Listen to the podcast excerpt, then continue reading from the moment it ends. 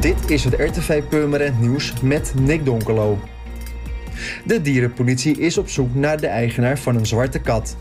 Het dier is op zaterdag 16 oktober achtergelaten bij een picknicktafel bij tankstation Kruisoord in de Noordbeemster. Dat is langs de A7 in de richting van Purmerend. De zwarte kat zat in een dichtgeplakte doos zonder luchtgaten en met eten erin. De dierenpolitie is op zoek naar de eigenaar van de kat en houdt er rekening mee dat de kat mogelijk niet door de eigenaar, maar door anderen daar is neergezet. Graag komt de dierenpolitie in contact met de eigenaar of mensen die informatie hebben over de opvallende doos waarin de kat is gevonden. De kat is zwart van kleur, goed verzorgd en heeft bruine ogen. De kat heeft een lege groen camouflagebandje om met een belletje.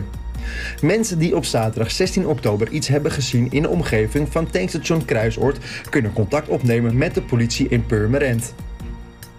Vanaf vrijdag 22 oktober kun je niet meer met de auto door de coronateststraat op de burgemeester Kooimanweg.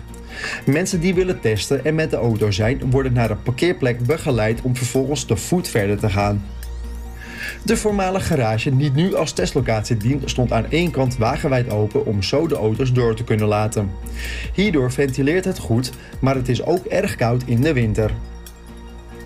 De 36-jarige Vincent H. uit Purmerend moet als straf 150 uur werken omdat hij op 24 september vorig jaar brand heeft gesticht bij een spoorbrug in Koog aan de Zaan. De rechtbank in Alkmaar legde de Purmerender dinsdag ook vier maanden voorwaardelijke celstraf op. H was samen met een maat van hem op stap.